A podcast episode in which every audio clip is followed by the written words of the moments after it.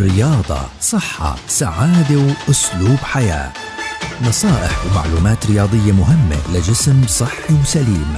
تسمعوها يوميا عبر أثير أجيال مع الكوتش. مجدي الرابي مدرب الرياضة المحترف. مع الكوتش بودكاست من أجيال.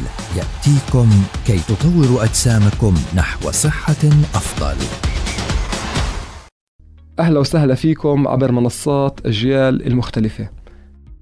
بدنا نحكي اليوم عن موضوع إنه كيف الرياضة ممكن تأثر على جسمي بطريقة سلبية وخاصة على العضلات.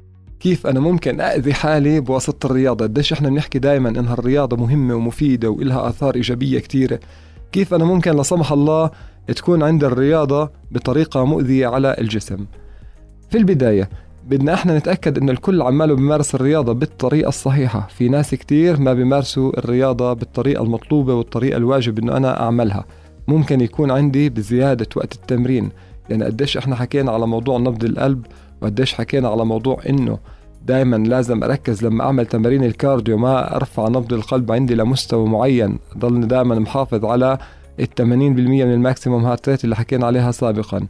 قديش أنا ممكن أعمل تمارين بطريقة صح ما تكون عملية التمرين اللي أنا بسويها بتطلع بالطريقة الصح سواء كانت تمارين للإيدين أو الكتاف أو للظهر أو للصدر. وممكن كمان أنا بكون عمالي بستخدم أوزان زيادة. أنا لما بستخدم أوزان زيادة فأعرفوا هون ان أنا راح أذي عضلاتي بشكل كبير جدا. لو ما بين عندي الأذى بهذه الفترة رح تبين عندي في المستقبل. فإحنا بدنا نركز دائما إنه نمارس تمارين الرياضة بالطريقة الصحيحة من ناحية الأوزان من ناحية نبض القلب اللي أنا بوصل فيها من ناحية المدة للتمرين وأهم شيء من ناحية الراحة.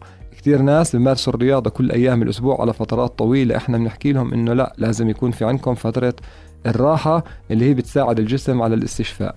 نتمنى الصحة والسلامة للجميع. In sports we share love.